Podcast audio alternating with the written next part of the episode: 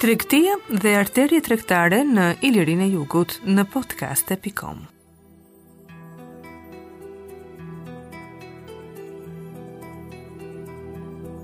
Zhvillimi i tregtisë dhe i rrjetit rrugor në Ilirinë e Jugut, të parë në tërë procesin historik, përbëjnë një temë sa të gjërë aq edhe interesante. Shqipëria në territorin e së cilës përfshihej pjesa më e madhe e Ilirisë së Jugut, formonte një urë kalimi midis lindjes dhe perëndimit. Kjo pozitë kyçe ka ndikuar në zhvillimin e marrëdhënieve ekonomike dhe kulturore midis rajoneve të ndryshme të gadishullit ballkanik.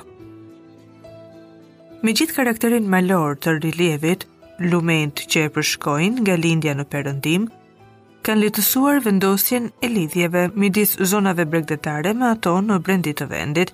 Nëpërmjet luginave të këtyre lumenjve që në kohët më të lashta kanë kaluar rrugët kryesore të vendit që kanë shërbyer si arterie e rëndësishme e lidhjeve midis Adriatikut dhe vendeve të lindjes.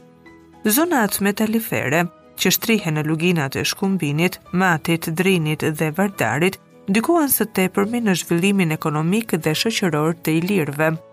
Ato qenë edhe një nga faktorët kryesorë që përcaktuan rolin e rëndësishëm që do të loznin luginat e këtyre lumenjve si arterie të rëndësishme në shpërndarjen e metaleve të çmueshme, si hekur, bakër, ar dhe argjend. Aq të domosdoshme për zhvillimin e metalurgjisë si në Iliri, dhe në trevat e tjera të Ballkanit. Nuk është as vendi, as qëllimi ynë që brenda caqeve të kufizuara të një kumtese të trajtojmë me hollësi të gjitha çështjet dhe aspektet që kanë të bëjnë me këtë temë. Ne do të kufizohemi vetëm në parashtrimin e disa momenteve kryesore të zhvillimit të tregtisë dhe të rrjetit rrugor në Ilirinë e Jugut para pushtimit romak, duke u përqendruar më tepër në shekujt 4-3 para erës sonë. Të dhënat e qeramikës dhe ato numizmatike janë materiali kryesor për shtjellimin e temës.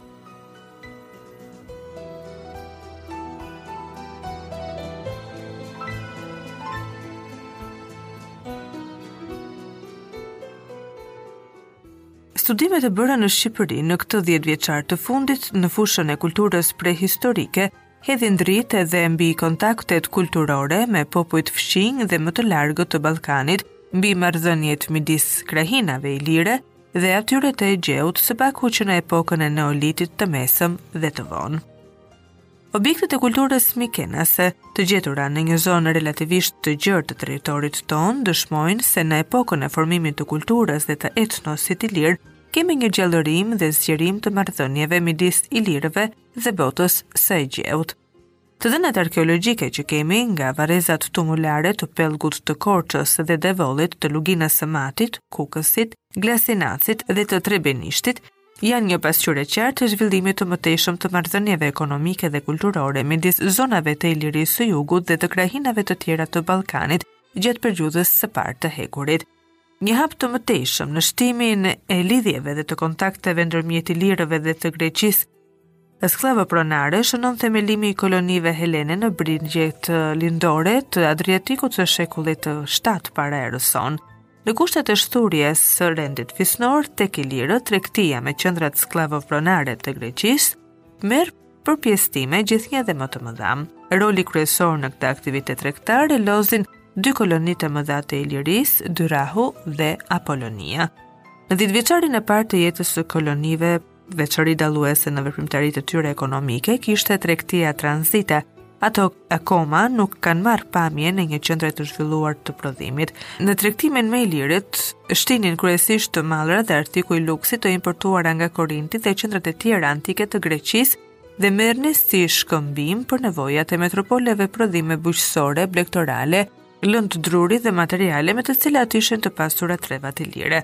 Kështu, importi grek në shekujt 7-5 zë një vend të rëndësishëm midis mallrave që qarkullonin në Ilirinë e Jugut.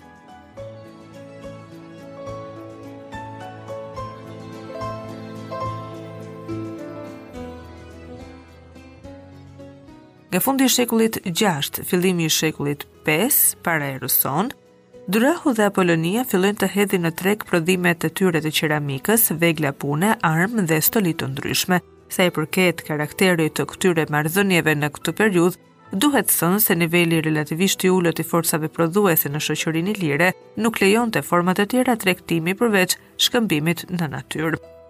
Qarkullimi i monedhave ende nuk njihej në tregun ilir, ai ishte i kufizuar vetëm në qytetet Dyrrah dhe Apoloni dhe në marrëdhënie tregtare që këto zhvillonin me botën greke, përdornin kryesisht monedha argjendi të Korintit dhe në një shkallë më të kufizuar ato të Athinës. Importi grek gjatë shekujve 7-6 para erës sonë përfaqësohet në radhë të parë nga qeramika korintase, që ka dalë në dritë në sasi të konsiderueshme kryesisht në nekropolet arkaike të Apolonisë dhe Dyrrahut. Nuk ka dyshim që Trebenishti formon një nga qendrat më të rëndësishme të këtij importi në brendi të Ilirisë. Kohët e fundit prania e qeramikës korintase është vërtetuar sigurisht në një masë më të kufizuar dhe në mjaft qendra ilire proto-urbane. Bashkëkohës me importin e gjerë korintas është edhe ai rodo-jonian, por në një sasi shumë më të kufizuar. Sot për sot ai përfaqësohet nga disa vazo të gjetura në nekropolin e Apolonisë.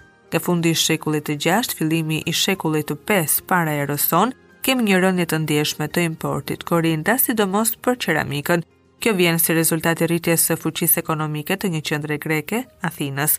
Ndër vazot antike me figura të zeza, lekitet janë nga gjetjet më karakteristike në nekropolin e Apolonisë.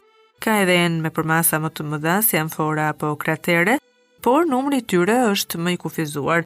Interes të veçantë paraqet skifosi i madh me figura të zeza, gjetur në zonën më të thellë të Ilirisë Jugore në afërsi të Kukësit, Fragmente të qeramikës sporadike, përqendrimin më të madh të vazove me figura të zeza e kemi në Dyrrah dhe Apoloni. Po të krahasojmë rrezen e përhapjes së qeramikës greke me figura të zeza me qeramikën e mëvonshme me figura të kuqe, rezulton se kjo e fundit përfshin një zonë relativisht më të gjerë dhe na paraqitet me një numër më të madh tipash vazosh.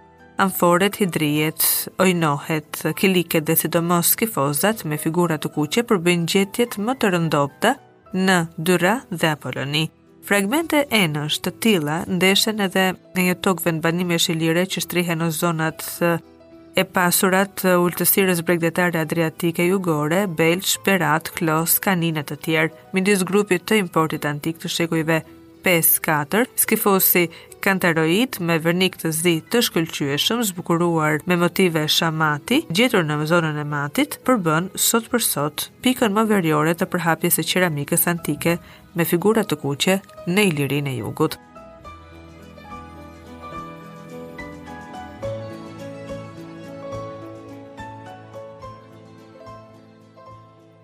Në treg vazhdojnë gjatë shekullit 5 dhe gjysmës së parë të shekullit 4 para erës sonë të qarkullojnë kryesisht monedha greke të argjendta.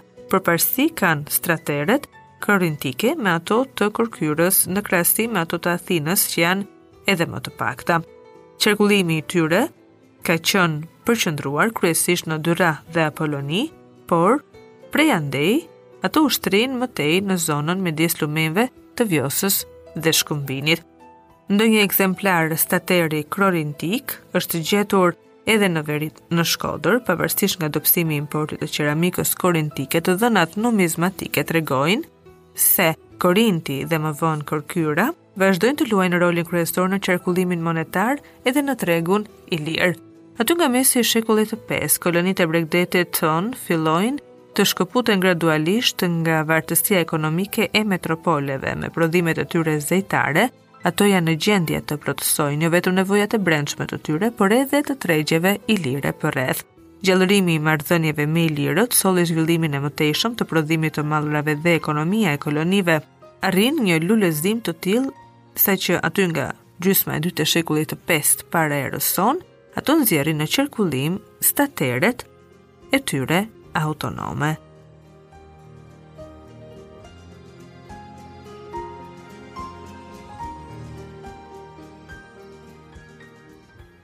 Gjatë shekullit 5-6, Dyrrahu dhe Apolonia bëhen qendra kryesore të tregtimit dhe qarkullimit të mallrave në trevat ilire përkatësisht në jug dhe veri të Shkumbinit. Zhvillimin e mëtejshëm të aktivitetit tregtar në Iliri e vëmë re sidomos edhe në periudhën kur në Ilirinë e Jugut ndodhin ndryshime ekonomike shoqërore të rëndësishme, lind dhe zhvillohet më tej jeta urbane dhe krijohen formacione shtetërore të tipit skllavopronar. Nuk ka dyshim që Dyrrahu dhe Apolonia vazhdojnë të luajnë një rol të rëndësishëm në tregun ilir gjatë gjithë periudhës helenistike, Nëpërmjet tyre përhapen në Iliri enët e Megarës, vazot italike me figura të kuqe si dhe ato të tipit Gnathia, që janë nga gjetjet më karakteristike për shumicën e qyteteve ilire. Vendin kryesor e zë qeramika apule, apo enët e tipit Gnathia që i ndeshim në krejt arealin ilir, si në qytetet kryesore, Lisus, Zgërdhesh e të tjerë, ashtu edhe në vendbanime më pak të rëndësishme.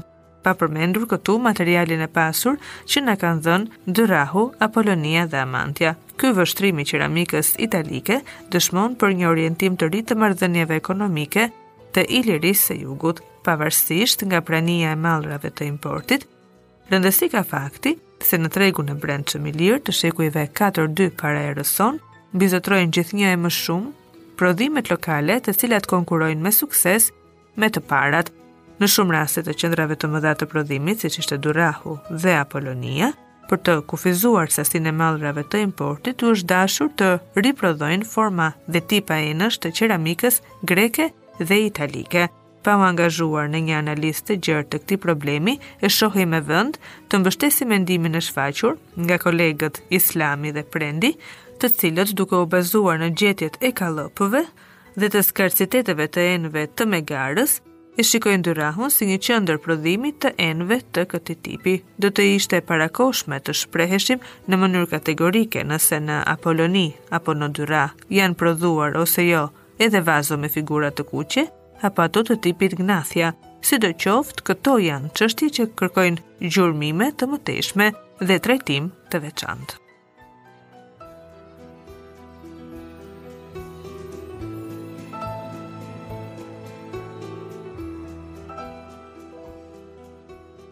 Tregtia dhe arteriet tregtare në Ilirinë e Jugut në podcast.com.